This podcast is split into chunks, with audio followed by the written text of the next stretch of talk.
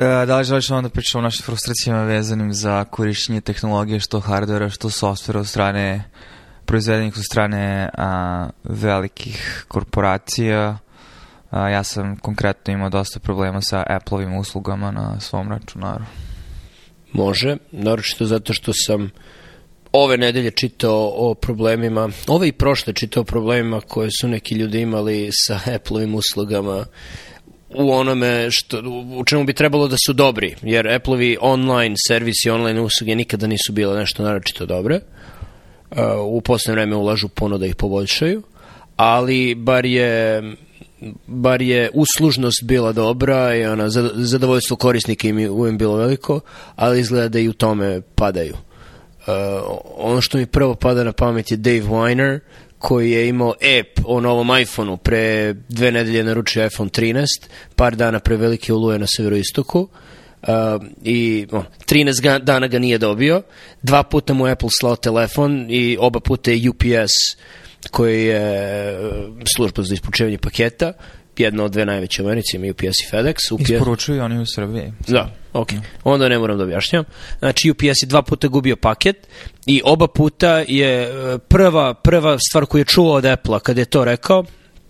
kada je upisao u svom četu sa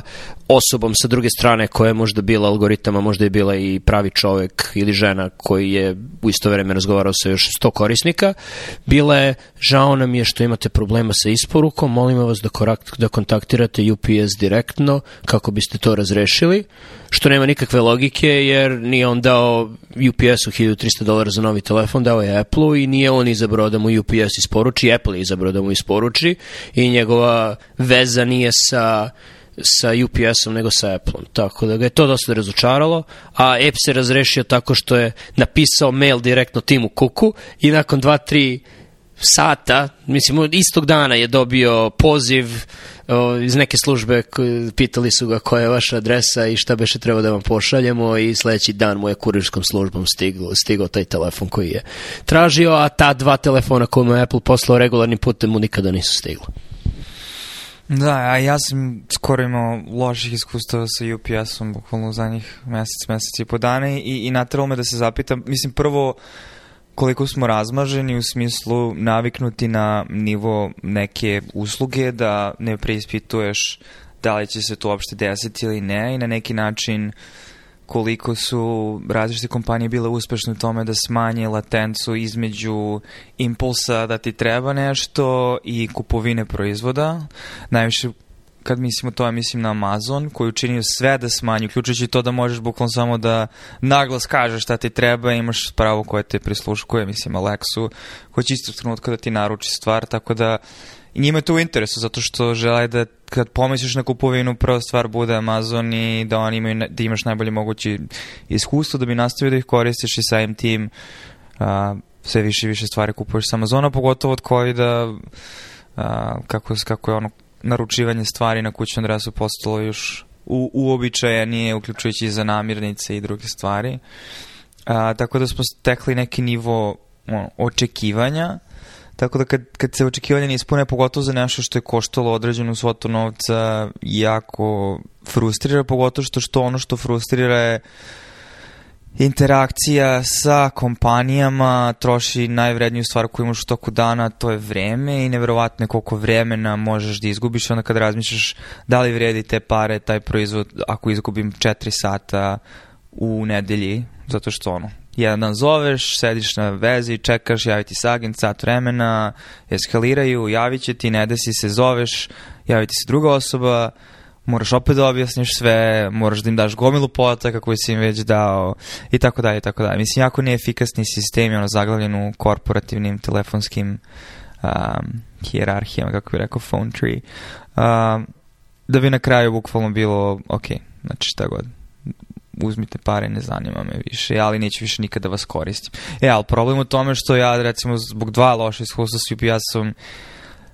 želim da ih više nikada ne koristim direktno, ali to ne znači da neko od koga budem kupovao nešto u budućnosti kao u ovom slučaju uh, neće odabrati UPS kao njihovog dostavljača, onda se tu formira siva pravna zona u smislu na kome je onda odgovornost jer ako ti treba da izgubiš 10 sati, a Apple ti je obećao nešto, uh, kako ako ti Apple obećao kada, kada će isporuka da se desi, odjednom više nije njihova odgovornost. I u tom smislu mislim da je Amazon dosta bolji, uh, jer ja mislim da igraju na duge staze, bar u ovom konkretnom primjeru, kapiram da je, mislim, Apple od uvek igrao, ali mi se čini malo primećujući druge stvari vezane za Apple, da su se kompanije na neki način, barem iz perspektive korisnika, orijentisala na profitabilnost po cenu toga kakav je osjećaj korisnika, jer imaju vernost brendu, ali problem je kad počneš da gubiš vernost brendu, ne možeš da predvidiš 3-4 godine od sada šta to znači za konkurenciju i tako dalje. Um, ali Amazon mi jeste ono, vratio pare, iako to, to nije nikad bilo sporočno, ko zna gde je to izgubljeno i onda sam uručio nov i novi je stigao i a, tako da, ajde da za, zaokružim priču s tim, pa onda možemo pričati o drugim stvarima vezanim za software. Moja omiljena stvar koju Amazon radi je uh, kada kupio sam par stvari koje su bile lomljive i kupio sam ih direktno od Amazona. To je ključno, pošto Amazon ima, u da slučajeva je posrednik između ne, prodavaca drugih i, i tebe, a ovdje sam kupio direktno od Amazona, što su oni isporučili iz svog skladišta i, ne znam, bio neki na primjer, ne znam da li je ovo tačno bilo, ali je koncept isti, set od 10 keramičkih šoljica, jedna je bila razbijena, ja sam rekao, hej, razbijena je šolja, pošaljite nove, vratit ću, vratit ću vam stare. Uh, oni su rekli, ne, ne, ne, zadrži to, samo ćemo ti poslati novo. I ako je samo jedna šoljica bila razbijena, ostalih devet su bile sasvim ok, tako da sam dobio 19 šoljica po ceni 10. E, I tako što je nekada mnogo više frustrirajuće zato što onda imaš stvari koje znaš da nećeš koristiti, a žal ti je da ih baciš i onda ako živiš u stanu, povećaš količinu poznacija ono do đubreta mm. koje imaš u stanu. Ali zato ako živiš u stanu uvek imaš zajedničke prostorije i većina zgrada ima sto u zajedničkoj prostoriji gde ljudi stavljaju stvari koje im ne trebaju, tako da tu postoji otvorena razmena uh, predmeta. No. To je, to je ali i tu se Amazon malo uh, pogoršao, naročito u posljednje dve, tri godine kada je logistika postala dosta komplikovanija, verovatno je nemaju dovoljno ljudi da radi isporuku i da radi u skladištima, gde ako kažu nešto će stići nekog dana, dva, tri, četiri dana od, od, od, od kada si naručio i to ne dođe, Uh, obično je bilo, samo im to javiš i oni ti pošalju novo odmah, a vratiš ako ovaj stara pošiljka dođe kasno, ti vratiš, sada ti kažu ne, ne, ne, sad čekajte 3-4 dana, pa ćemo onda videti šta se dešava, jer često dolazi do kaštenja i to je, mislim, jedan od većih ono, problema prvog sveta. Nije mi stiglo u, petak, mora da čekam do ponedljika, kme, kme. Ali, ali tu se vidi malo da, da imaju problema sa, sa logistikom. Da. No. Um, slažem se. Mislim, opet ne znam koliko možeš da učitaš u sve to globalni problemi sa logistikom i koliko možeš da imaš razumevanja, ali u isto vreme se svodi na to šta obećavaš i zašto ljudi plaćaju i sad je opet Prime poskupeo, tako da um, inflacija. Ali, i naravno, mislim, ne treba, mislim, ovo je vrlo, vrlo, shvatam konzumerističnost svog ovog aspekta, ali poente kad se navikneš na neke službe da bi isporučio stvari koje svakodnevno koristiš ili stvari koje ti sve na vreme trebaju, da li potrošni, da li nepotrošni materijal, um, treba ti način da dođeš i imamo ideju o tome da od 2010. A, naročito 2020. živimo u svetu kome a, verovatnoće da ćeš otići da kupiš nešto u prodavnicu a, je sve, sve manje i manje, pogotovo ako ti treba nekoliko stvari koje bi morao da tražiš na više različitih mesta i ako to uključuje vožnju od 50 minuta, a ne treba ti danas i ne treba ti hitno, lakše ti je da otvoriš kutije, baciš te kutije, imaš stvari ovde koje A, pa ne, ali zato što to računica, ok, koliko mi vremena treba da spljaskam tri kutije i stavim ih u reciklažu, za razliku od toga da treba da sedem u kola i da vozim 45 minuta u jednom i 45 minuta u drugom smeru i pritom da provodim vreme tamo tražeći šta mi treba umesto na svom telefonu da samo izaberem šta mi treba. Mislim da ima jako malo stvari za koje živeći u centru DC-a mora da sedneš u auto da se voziš 45 minuta da ih dobiješ ne, ne znam šta bi to bilo, jer za bilo šta možeš ili da odšetaš ili da sedneš u metro da bi ih uzeo. Stvar koja mi pada na pamet, koja mi je do sada bila lakše da naručujem, ali baš zbog problema sa kutijama više namerno neću, su male stvari ono iz gvožđarije, tipa ovaj šraf ovih dimenzija, ove veličine, jer ako dođem u Home Depot, uh, koja je najveća prodavnica za Vugožeri u Americi, ili Ace Hardware, koji su ove manje prodavnice, kojih imam ono dve na 10 minuta od kuće, izgubim pola sata gledajući zbunjeno u sve fiočice sa milion različitih vrsta šrafova i koji mi tačno treba, kako se završava, kojih dimenzija, koje dužine, uh, koj, kog oblika glave. I lakše ti je da na Amazonu samo pronađeš sliku i kažeš ok, vidim, ovo je taj koji mi treba, klik, ali onda da li ćeš dobiti, ako dobiješ u kakvom će pakovanju biti, šta da radiš sa tim pakovanjem, šrafovi nisu toliki problem, ali dešavalo mi se više puta da naručim lenjer koji je tanak i ono dužine metar, metar i po, dođe u kutiji koja je 5 metra sa dva ogromna, koja je prepuna ono, onih plastičnih ili, ili onih plastičnih kesa sa vazduhom ili, ili packing peanuts, one, onog stiropora, šta da radim sa svim tim? Ima više ambalaže nego predmeta koji sam hteo. Tako da sam svesno počeo manje da naručujem,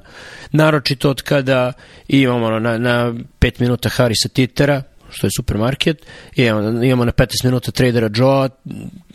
gde je i ono malo zadovoljstvo i kupuj, kupovati uživo. Ma ne, daleko toga da mislim ne postoje situacije koje ima, pogotovo što se tiče kupovine namirnica, biraš, mislim da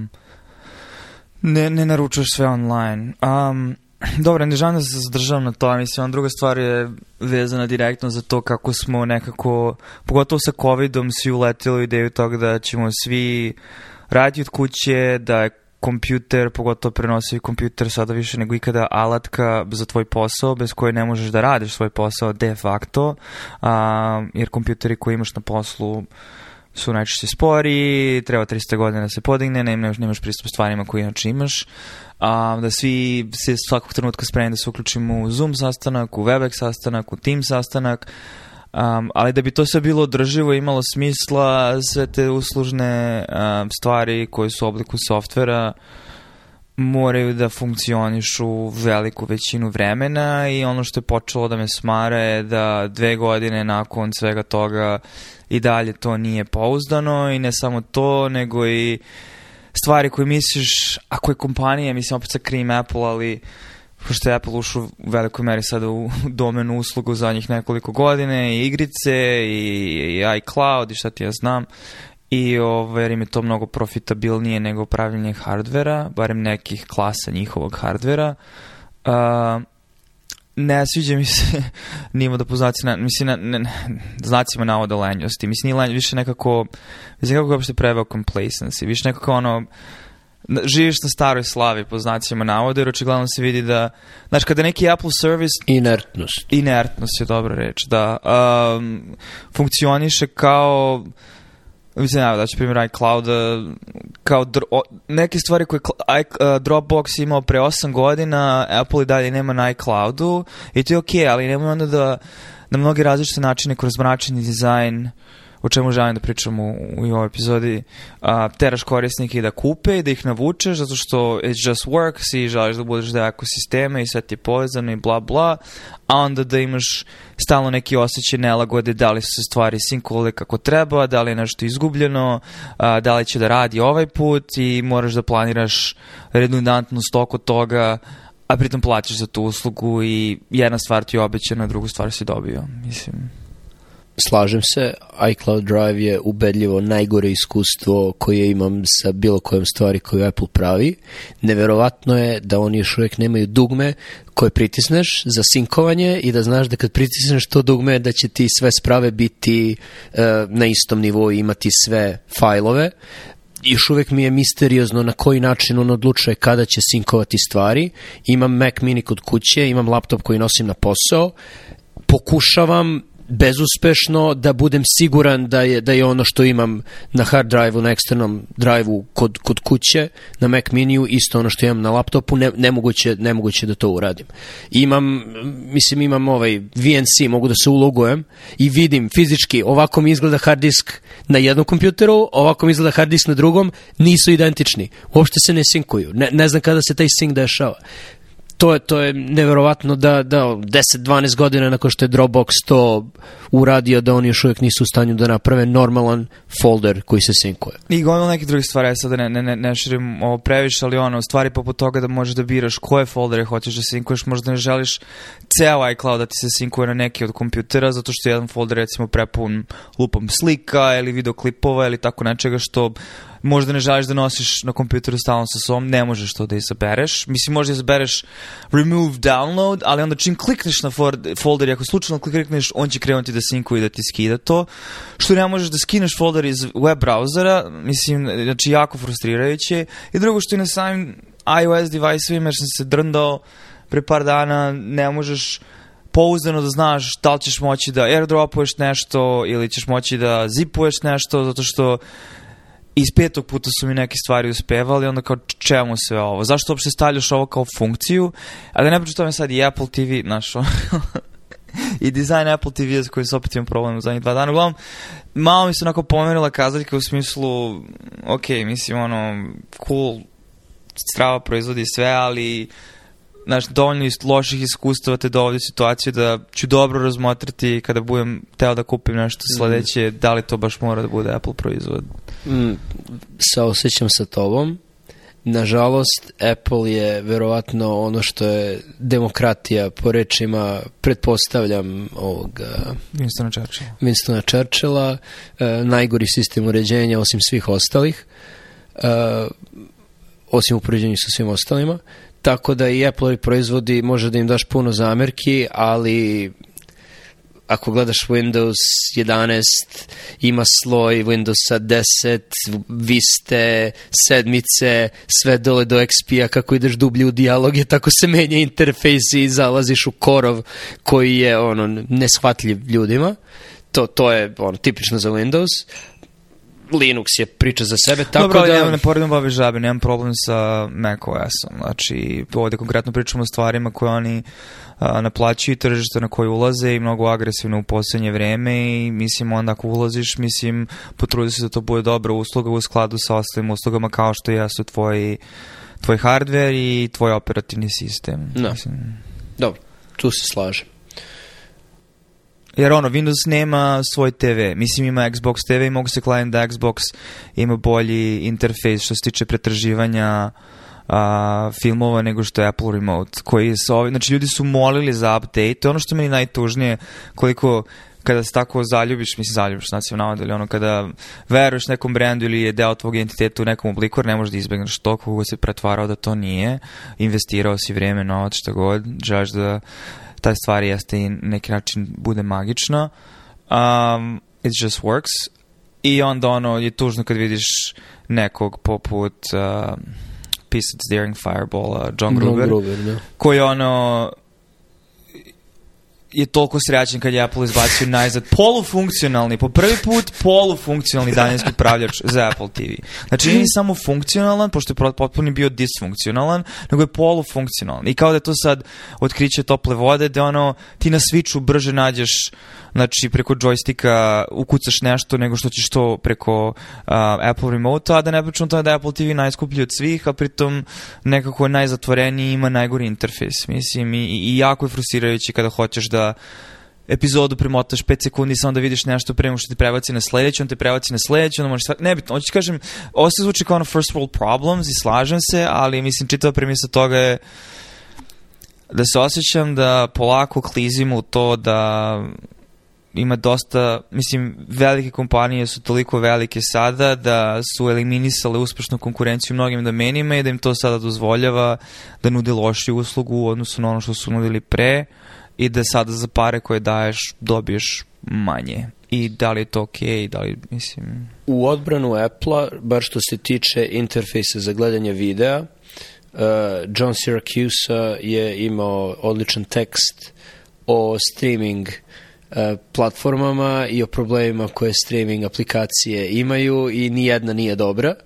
uključujući Apple, a, a, Apple, ali Apple je najmanje loš u tom pogledu, a, ali čak ni, mislim, Netflix ima svoj interfejs, nije Apple kriv za net, Netflixov loš interfejs na Apple TV-u, pošto je još gori na, na, na drugim spravama. Uh,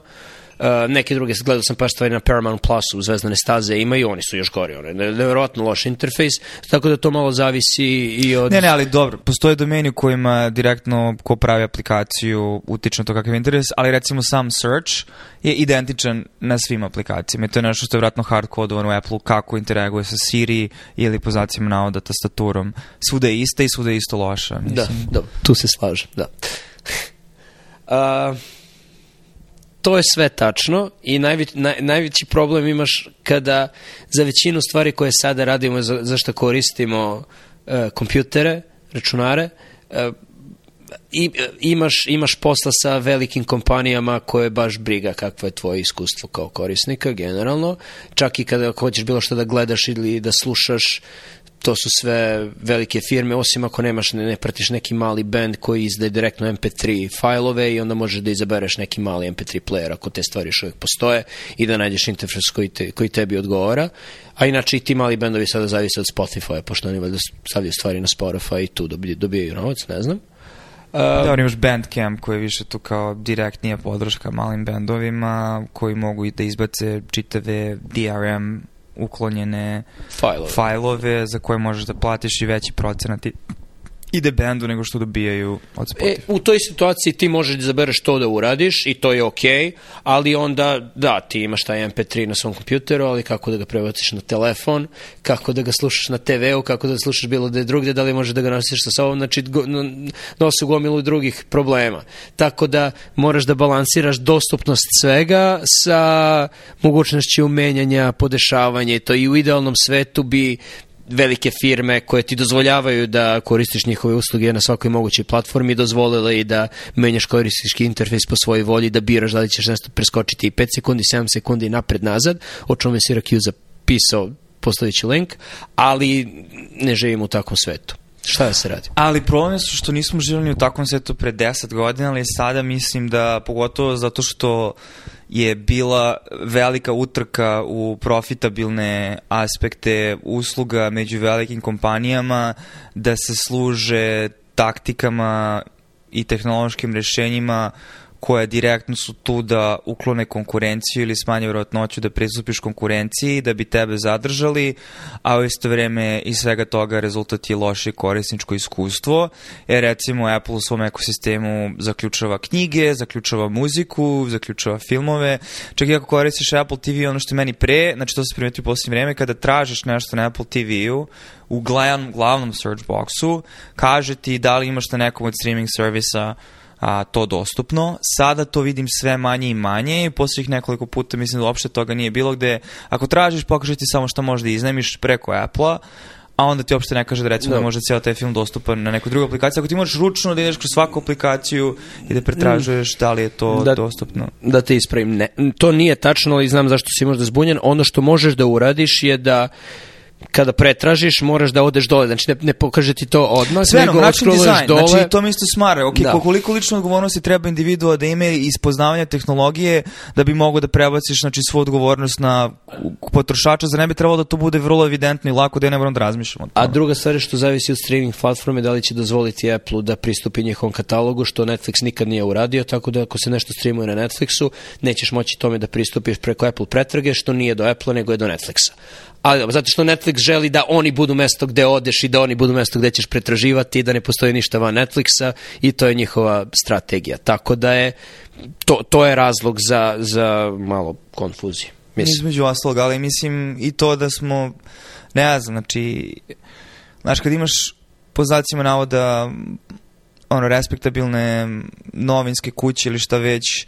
na koje se pretplatiš i onda kad hoćeš da otkažeš pretplatu, kao da otkazuješ pretplatu sa nekog prevara sajta koji ti uze podatke i kreditnu karticu i neće da ga pusti. Mislim, i teretane to radi i sad smo svi pravimo se kao da je to sad normalno i mislim da ono, ljudi još nisu dovoljno isfrustrirani i da će se to, to će se nemeno promeniti zato što sada to su vrlo onako legalno sive vode, mislim, ono, neistražene vode, sive zone, gde koliko tvog vremena ti možeš da izgubiš pre nego što odustaneš i nastaviš da daješ pare. Objasni ljudima čemu se radi, pošto ljudima u Srbiji možda će ovo biti nepoznati pa koncept. Pa Blitz ali... to isto radi, mislim da okay. ima, ima Blitz, ima isto pretplatu. Ono, ali, okay. da, ali mislim... ovde u Americi je New York Times poznat po tome, New York Times nazovi respektabilna novina, meni nisu respektabilni već 10-15 godina, ali dobro, većina ljudi i dalje misli da su oni najrespektabilniji novine u Americi, ok, kako god. Uh, oni će ti prodavati na svom sajtu, pretplatite se ono, mesec dana samo dolar, ima studentska pretplata koja je par dolara za nekoliko meseci, znači možeš jako jeftino da uđeš kao dealer koji ti da prvi, prvi uzorak besplatno,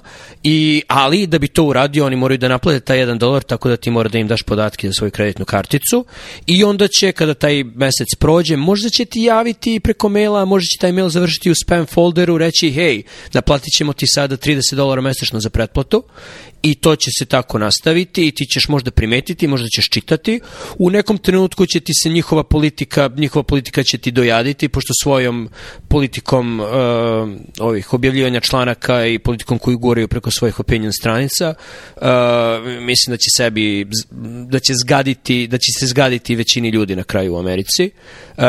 hcećeš, želećeš da, da otkažeš svoju pretplatu, ali da bi otkazao pretplatu nije dovoljno samo klik i gotovo je, nego ćeš morati da pozoveš telefon. Preko tog telefona dolaziš u kontakt sa službom koja se zove Customer Retention služba, odnosno služba za zadržavanje mušterija, hint, gde će ti oni reći, pa dobro, da li ste sigurni, evo možete nastaviti još šest meseci po ovoj mnogo nižoj ceni, na što ćeš možda reći ok, ali ćeš za šest meseci opet biti u tom istom problemu. I da bi uopšte došao do osobe koja je u stanju da ti otkaže pretplatu, pošto ti ljudi koji ti daju te uh, te dilove nisu u stanju da otkažu pretplatu, da bi došao u kontakt sa takvom osobom treba ti bar, što si rekao, sat vremena na telefonu, to je, to je ogroman trošak u vremenu koga ljudi nisu svesni kada kliknu na ono da, želim da dobijem pretplatu od dolar mesečno. Da, i to mi samo govori kolika ta asimetrija u tome šta predstavljamo, koliko su bitni naši podaci, da li lični podaci o a, našim preferencama ili direktno vezani za naše financije u smislu pristup kreditnoj kartici. Um, ali u praksi vidiš koliko su krucijalni i onda mi je jako iritantno što se pretvaramo i što se kompanije pretvaraju da živimo u drugoj stvarnosti u odnosu one koja je stvarna, što mi kao ljudi to prihvatamo. Opet, znaš, nekako se normalizovalo da 80% mailova koje dobiješ što lično što na poslu je totalno džubre i ti treba da trošiš vreme brišući sve to ili kreirajući vrlo komplikovane sisteme da bi sačuvao i opet znam da ovo zvuči kao haha, ono, svire mi najmanju tužnu violinu na svetu, problemi prvog sveta ili šta god, ali kada je to, većina tvog rada, ako si ono knowledge worker, ako većina tvog rada je vezana za znači, korišćenje tvog mozga da bi rešio različite vrste problema i uglavnom se svodi na kompjuteru, što velika većina ljudi u industrializ industrializovanim zemljama radi. Um, onda je jako bitno znači higijena tvog i mislim doticali smo se ovo kad smo pričali o našim načinima na neki način da možda lateralno, mislim, izbjegneš sve te probleme, ali u velikoj meri ti problemi ne bi postojali da, da nismo kao društvo odlučili čekaj, ovo ne bi trebalo da bude legalno, ovo ne bi trebalo da bude korektno, niti moralno prihvatljivo. Ne znam, što tebe kompanija tako ucenjuje, uh, osjećam krivice, pa nemojte, zašto biste, gde god trebaš, kako god hoćeš da otkažeš neku pretplatu, treba da prođeš kroz 3-4 ekrana, gde ti nude, a, evo sad popuz ovo, popuz ovo, samo da bi te zadržali i na kraju načine koji su dizajnirane te web stranice, ono, uh, veliko crveno dugme je otkaži ili jako malo sivo dugme na dnu stranice je otkaži, a da ne pričamo o tome da on, odeš negdje u prodavnicu, uzmite mail, dobit ćete popust, bla, bla, dajte, ostavite mail, onda ostaviš mail, onda dobiješ spam, spam, 3, 4, 5 puta nedeljno u neke kompanije koje možda kupuješ ono jednom u šest meseci, zato što ono garderobe ili šta ti je znam. I onda, i kad pokušaš da otkažeš, ja ne znam, meni je ono 50-50, znači da li će, zato što često isto, isto, taj neki moment, odjednom se formiraju veštačke, u svetu digitalne, ono, digitalne prosvećenosti i, i sve prisutnosti, stva, jako je lako da se ukačiš na sve to, istog trenutka ti pošalju mail da si deo newsletter liste, ali kad treba da otkažeš, zbog nekog razloga, nedelju dana, sedam poslovnih dana treba da prođe pre nego što vas skinemo, zato što je to tako podešano u sistemu, neka podešavanja moraju da se nameste. Šta mora neki čovek da dođe, da, da, da ištampa to listu ljudi koji su otkazali, pa da ode, pa da prebaci, mislim, nama me zezaš. I onda tako ti zaboraviš i onda bukvalno šta ja sad treba da napravim listu stvari koje sam otkazao više od jednom, dva po tri puta da bi shvatio koji su na, najmaligniji igrači u celoj toj priči, jer ono, ne mislim da sam ja lud,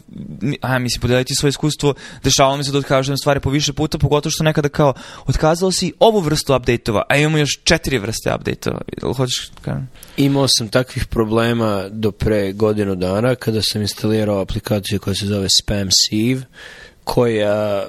je tvoj personalizovani mehanizam za filter spamova gde ga ti naučiš na svojim spam failovima koje, koje, koje ne želiš da, da čitaš i to ti pošalje u folder i ne možeš da, ne moraš da razmišljaš o tome. Ne trudim se više uopšte da se otplaćujem od bilo čega. Ako nešto, ako vidim nešto u inboxu što ne želim da vidim, kliknem da je to spam, više ga neću videti, kraj priče. Dobro, ok, super. Ti si rešio svoj problem zato što si tehnološki sposoban i zato što si koristeći Mac računu što manjina ljudi čak i ovde i dalje koristi, pogotovo zato što si super user,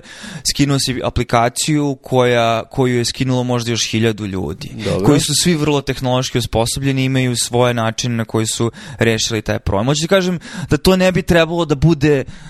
ono, šipka koju treba da svi dostignemo da bismo rešili taj problem. Mislim, Čini mi se da bar dva online servisa za elektronsku poštu koje znam imaju nešto slično. Jedan je Gmail koji ima onaj promo tab gde šalje tu vrstu mailova, tako da mi se čini da Gmail bar ne bi trebalo da, da pravi takve probleme, jednostavno ignoriš ono što ti u promo tabu i nemoj to da radiš. Ne koristim Gmail. Drugi je Fastmail koji ima svoju online verziju tog spam foldera, možeš da mu kažeš bilo šta što pošaljemo ovaj folder tretira kao spam i nauči svoj algoritam da je ovo spam i Fastmail ima to isto. A fa, Ok, ali pričamo kao da je to sad rezultat nekog prirodnog, znaš, ono, bujica ide pa ćemo da stavimo branu. Mislim, point je da ne bi trebalo uopšte ti... Zamisli da tebi neko šalje hiljade... Mislim, već ono rekla i materijal, ovde mi je katastrofa u poređenju sa Srbijom, a da i u Srbiji ono znaju da ti mm. vikendima zaspu pa, poštanska sandučeta, poštanska, poštansko sanduče, ali ovaj, da tebi svakodnevno stiže 30 do 50 ili možda 100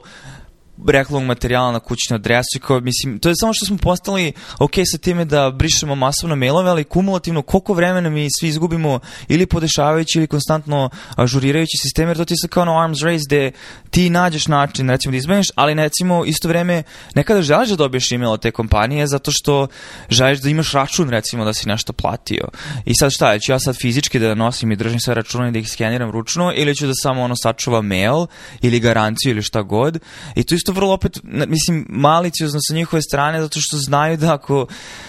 Znaš, ni ti filteri nisu savršeni, ni veštačka inteligencija ili koji god algoritmi stoje iza toga nisu savršeni, može se desiti da ti u spamu završi bitni dokumenti, opet dalje, mislim sve se svoje na to da na sve načine pokušavaju da ti što više vremena gubiš i da bude sve teže da bi na kraju bio izložen tom jer je najvrednija stvar u stvari koje oni imaju je 5 sekundi tvoje pažnje u toku dana da je prvo da bi znao ko su oni i drugo da postoji šansa da možeš da naručiš nešto od njih želim samo da izdvojim svetle primere kompanija koje nisu takve, iako većina jeste. Kompanije za koje znam da nisu takve su one koje prave aplikacije za macOS, koje su mali nezavisni proizvođači softvera, tipa Rogue Amoeba koji pravi program na kome ove snijamo audio hijack i drugi jako dobar program za zvuk na macOS-u SoundSource. Uh, ili ne znam koje god firma pravi Acorn koji je klon Photoshopa za obradu slika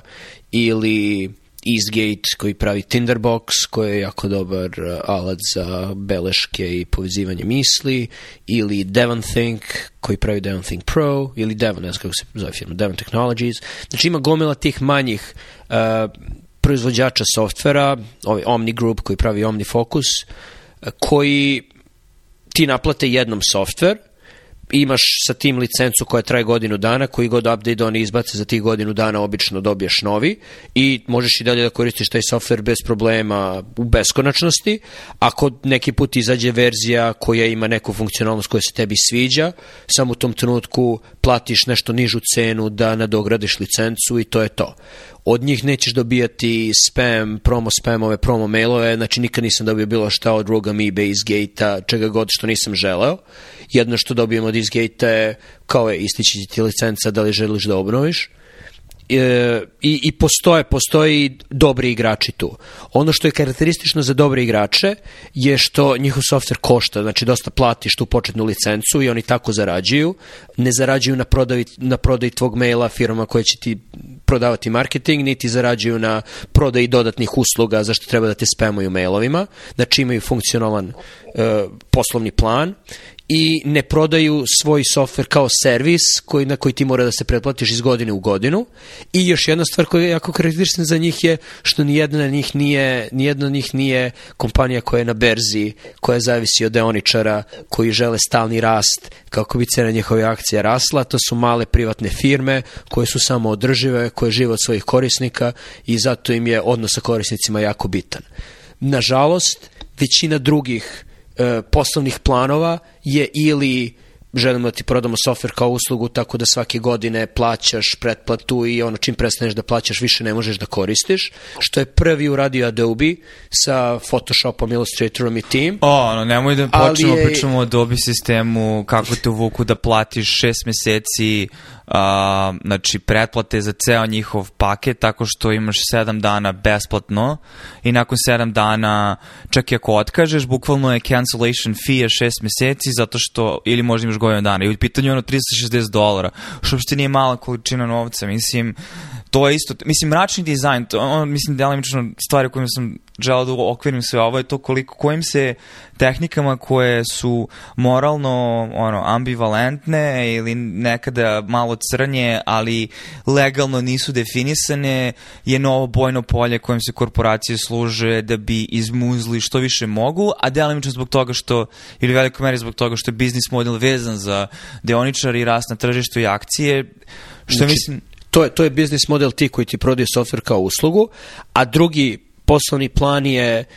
malih firmi, start-upova koji ti ne naplaćaju ništa software, ali uzimaju tvoje podatke i plan je da se prodaju u nekoj većoj firmi i da samim tim prodaju i tebe kao korisnika, tako da im je cilj dobijanje što više korisnika i od njih će dobiti gomilu spamova kako bi širio njihovo evanđelje drugim korisnicima, kako bi oni imali što veću bazu koju bi mogli da, da naplate kada se prodaju. A, network I, effect, mislim. Da, I ono što mi se čini gde Apple polako posustaje je što su oni do sada, iako su bili velika firma koja je zavisila od dioničara, rast akcija nije zavisio o, e, rast akcije je bio uglavnom funkcija toga što je puno ljudi želo da kupi njihov proizvod i ti kupiš telefon i ti imaš taj telefon i oni su jako dobri u, u, u tome, mada je onaj mito planirano i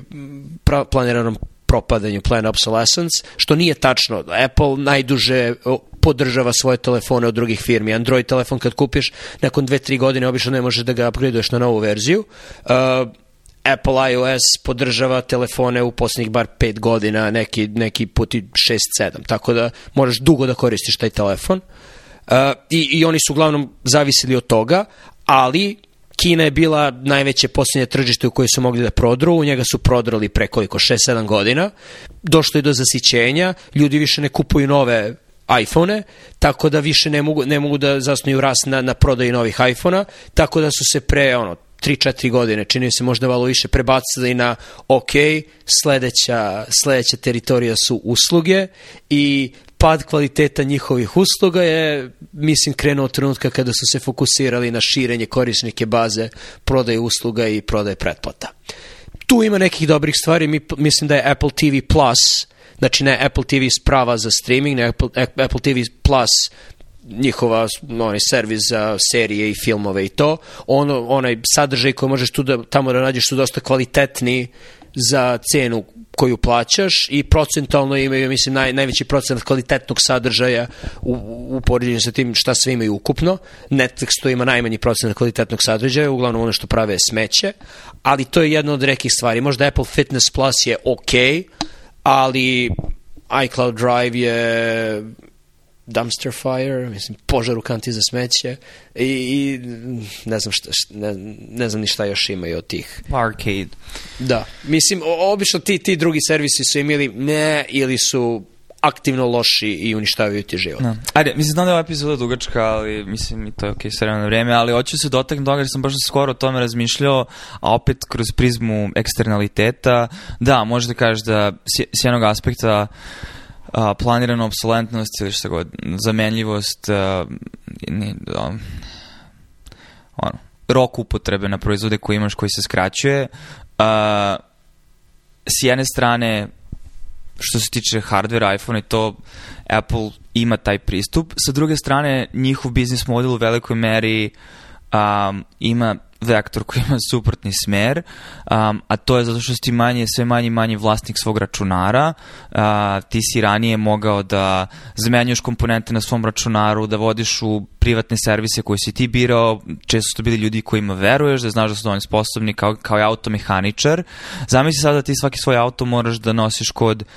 mada i to se dešava u autoindustriji ovde, pogotovo sa ono, digitalizacijom i zatvaranjem i načinima da ti digitalno detektuješ da li neko otvorio haubu i samim tim gubiš garanciju po znacima. Znači opet neki mračni dizajnovi, dizajn, dizajn što, a, koji se truje da maksimalno smanje posljedice da ti imaš autonomiju, vlasništvo nad svojim, nego ti odeš sa I daću ti primjer, mislim, znači moj stari MacBook a, je imao problem sa displejem, znači nakon par godina korišćenja, a, gde je na trutku samo display crko i a, odnosno sam u Apple i mislim, ono, ispostavilo se, mislim, bilo je imali su class action lawsuit, znači bila je tužba velikog broja ljudi, zato što je sama magistrala koja povezuje matičnu ploču sa displejem bila jako loše kvalitete, ako dovoljan broj puta otvoriš i zatvoriš a, mislim monitor od laptopa, magistrala pukne i bukvalno je to efekt i onda su napravili repair program što stalno rade. Ali to ono u klasičnom onom Apple-ovom e, negiramo godinu dana da problem uopšte postoji, onda ljudi tuže, onda napravimo repair program. Da sam ja došao sa tim problemom u Apple, Uh, ne bi mi, znači prvo taj genius koji god taj, to je osoba sa minimum nekog tehničkog znanja i prilično sigurno da manje znaju od mene, znači, znači jednostavno imaju skriptu, zašto Apple, zašto bi plaćao nekog da bude hiperstručan koji ima samo direktan kontakt s mušterijom, lakše im je da, hajde da vidimo da li nešto može se uradi s ovim, ali uglavnom se to svodi, hajde da zamenimo najveću moguću komponentu, ako ne radi, treba da kupiš nov računar ili cijelu matičnu ploču. A pogotovo sada sa M1 čipom, gde su ti u jednom i, i CPU i GPU i RAM znam, um, znači ti sada ono, šta god se desi, oni moraju ceo čip da ti zamene, samim ti, znači, jeste plan obsolescence u smislu zamisli da ti imaš sada problem sa veš mašinom i da je problem ono u, u ne, par nekih navoje, treba se zameni šraf i možda neko crevo i da ti odeš u, kod svog kod prodavca zato što neće nigde drugde da ti prihvate. Mislim u smislu guraju da bude nelegalno da drugi ljudi popravljaju tvoju veš mašinu i oni ti kažu e pa moraš cijelu veš mašinu da kupiš. I sam mali komentar na tu stranu, mislim da je to direktno vezano sa time koliko je težak proizvod koji kupuješ, zato što šporet ne planiraš da menjaš svake tri godine, zato što je šporet jako težak da se unesu u kuću, frižider spada u taj, u taj domen, ali polako, znaš, kompjuteri, telefoni, to je sve jako lako, prenosivo i, i sve više ulazimo to da je skroz ok da ti kupiš to i kao da je to jedna jedina stvar, ne znaš kako radi, nemaš pristup unutrašnjim komponentama i treba samo da kupiš nov kad ti nešto crkne lepo si rekao to poslednje, ne znaš kako radi i nemaš pristup u unutrašnjim komponentama. Mislim da se situacija polako menja i za šporete, frižidere,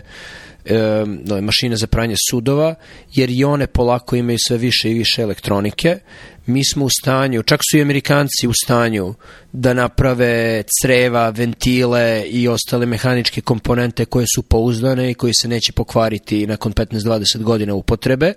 To je u redu. Međutim, svi ti uređaji sada imaju električna kola koja crkavaju kada se napon poveća, koji crkavaju nakon 5-6 godina šta god uradio i u dosta slučajeva, naročito u poslednje dve godine, ups, nemamo više tu matičnu ploču, izvinite, ne postoji više ni jedna ovaj circuit board, ne, nema ploče koju možemo da stavimo, morate da menjate ceo uređaj, da, jer se, jer se e, elektronika pokvarila i šta ćemo sad. I ima sve više i više elektronike, čak i u tim na izgled jednostavnim spravama, jer kao što znaš, ni frižideri sada više nisu samo frižideri, jer imaju, ne znamo, kucneš u staklo i ono postane providno, što imaju neki naši prijatelji u kući ili imaju druge stvari koje ti baš nisu potrebne za E, to je ono što funkcionalnost hoću kažem, frižidera. koliko, koliko u svemu, svim tim novim poznacima navodno inovacijama je učitana poboljšanje vrednosti i onoga što proizvod donosi mušteriji, a koliko je učitano to da kompanija želi da ti proda nov proizvod. Jer ono, šporet je šporet. Koliko, kol, i šporet postoji koliko stotina godina, a, mislim, ko, koja je sad tehnologija koja će da unapredi toliko dramatično šporet u ono što je bilo, ono što je šporet bio pre 10 godina. Ovo drugo, naravno, mislim, kada, kada pre, ne znam, u Americi pre 40-50 godina nije svaka kuća imala mašinu za pranje sudova. Sada, bukvalno svaka kuća ima mašinu za pranje sudova i najgora kuća u getu, mislim da postoje oni mimovi geto mašina za sudove, gde ne znam ja šta rade u kadi ili kako god, ali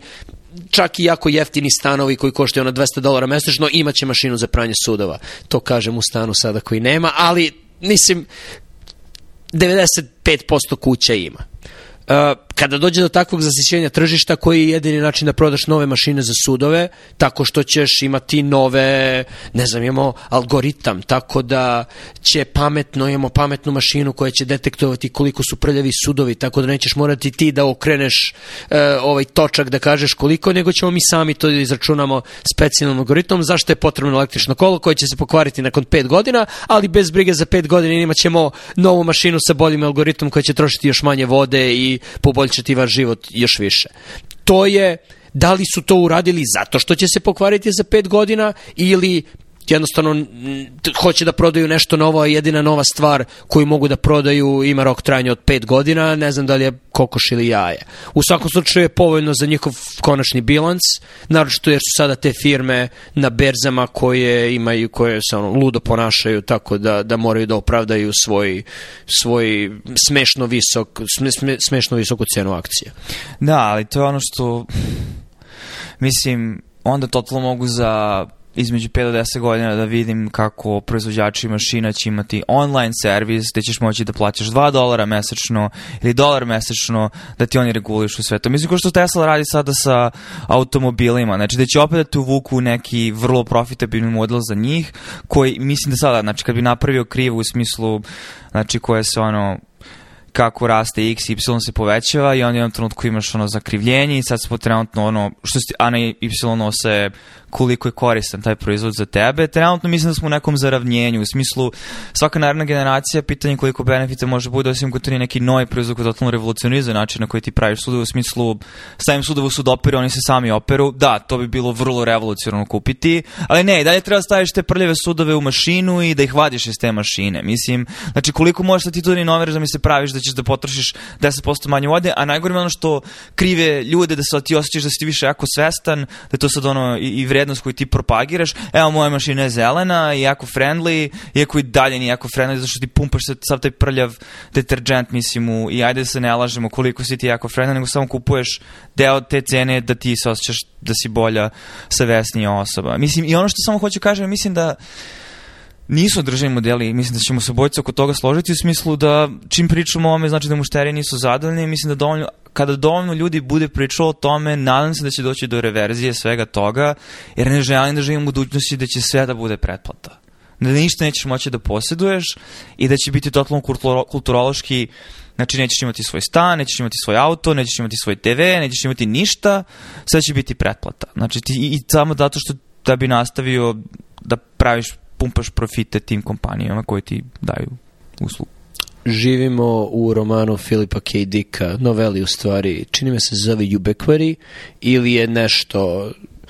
naziv ima veze sa Ubiquitous, gde je svaki aparat, novela je pisana 70-ih, tako da za očekivati je svaki aparat ima mali proz, prorez gde ubacuješ novčiće, tako da ako hoćeš vodu sa slavine u svojoj kući, mora da ubaciš 25 centi da ti izađe dovoljno vode. Ako hoćeš da otvoriš frižider svoj, mora da ubaciš novčić da bi otvorio, da bi uzeo ono što ti treba. Bukvalno je svaka sprava bila monetizovana i život ljudi je bio ono, ubacivanje novčića. Mislim da je jedina stvar koja nas trenutno deli od takve stvarnosti to da svaki uređaj bude imao uh, NFC, NFC čip uh, u sebi i ono, tu smo. To, to stiže. Uh, pa malo iskretanju levo, ali tiče se za ono korporativni overreach ili kako hoćeš da kažeš, da li si vidio Meta najnoviju reklamu sa psima? To je sa Chuck E. Cheese animatronic lutkama. Ne, Facebook Meta. znam Reklama. firmu, ali šta je, šta je reklama? Uh, reklama je Chuck E. Cheese tip restorana gde imaš one animatronične lutke koje kao pevaju, što je bilo popularno za ljude naše generacije koji su živjeli u Americi i bili uzrasta krajem 80-ih, kra- početkom 90-ih, gde si imao 8-90 godina pa tu praviš rođendane. Znači, ta, udari na tu neku nostalgiju i počne tako što oni imaju žurku i pevaju, međutim svetla se gase, pa se odvodi iz uh, u mraku razdvoje od svojih drugara, odvodi se na ono, đubrište i na đubrištu će da se smrska i onda neka žena, ne, ne, stanite i onda ne znam, taj pas završi kao stoji u muzeju aeronautike ili šta god samo kao ono pokazuju u kom pravcu nešto stoji, znači u pitanju lutka, mislim lutka animatronika koji se ne pomera i onda neki klinac, teenager prolazi i kao ostavi Oculus Rift na, stavi na oči psa kao u prolazu, kao ostavi kao iz zezanja i onda uba, ulaziš u virtualni svet i u virtualnom svetu pa se ponovo ujedinjuje sa svojim ostalim drugarima životinjama iz benda, gde svi u virtualnom svetu sada ponovo imaju svoj bend i pevaju.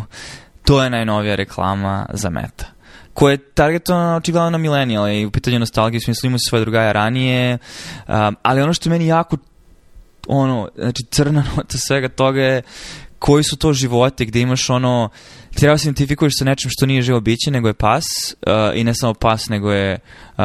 robot. Uh, i ok može kažeš pa nisu stale da stave osobu u različite etničke grupe da ljudi ne misle da to sada generalizujemo što je opet problem sam po sebi jer kao sada toliko smo opsenuti time ko kako izgleda da, da ono će odmah biti problem ako slučajno tako da ćemo stavljamo ž- robote životinje da predstavljaju ljude u reklame jer želimo da budemo maksimalno politički korektni. Um, a sa druge strane, a, taj pas šta, završava na đubrištu i nema nikakav život, možda ima pristup Oculus Riftu, znači živiš sa roditeljima, nemaš svoj stan, eto, barem se sastane s svojim drugarima na Oculus Riftu, eto, mi ćemo ti dati novi smisao u životu, umesto da pristupiš rešavanju svog problema, to je da ono, središ svoj život, ti idi ono beži u digitalni svet. Bukvalno znaš, mislim kao da živimo ja- jako je komično neki način, kao da živimo u satiri neke distopije i kao da je to sad normalno. Ne znam, meni je fascinantno da je to reklama koju su oni izbacili. recimo. Živimo u snovima autistične dece i možeš tačno da nabrojiš autističnu decu u čijim snovima živimo. Ne znam da li su skroz autistični, ali na spektrumu su sigurno. Jedan od njih je, je osnivač Mete, Facebooka, drugi je e, lik koji je smislio Ethereum. I ono, da, iz sna jednog polako prelazimo u san drugog i ta dva sna su dosta kompatibilna jer e, je, je e, Ethereum i Ether mislim da je ceo koncept da možeš lako da monetizuješ stvari i da možeš da od svega napraviš finansijsku transakciju. Tako da je to. Ne, ne želim da ovaj razgovor pređe u razgovor o, o kriptovalutama, to možemo da uradimo neki drugi put, ali su ta dva sna jako kompatibilna i ono što je tipično za njih je što zamišljaju budućnost bez ikakve svesti o ljudskim interakcijama, socijalnim, društvenim potrebama i psihičkim potrebama ljudi, već sve gledaju transakcionalno i, i sve gledaju onako praktično i utilitarno i algoritmički i šta ima najviše smisla za takav tip uma. I onda bi Reiki rekao razlike između propositional knowledge i participatory knowledge. I oni nemaju onda participatory knowledge. U smislu šta znači za ljudi, šta je bitno stvarno ljudima. Jer mi nismo monade isključivo motivisani ekonomskim interesima, ali problem je da mislim, ljudi koji prave reklame za sve te stvari znaju to i onda ti udaraju na tvoje naslušne potrebe praveći se da ti proizvodi će rešiti te probleme.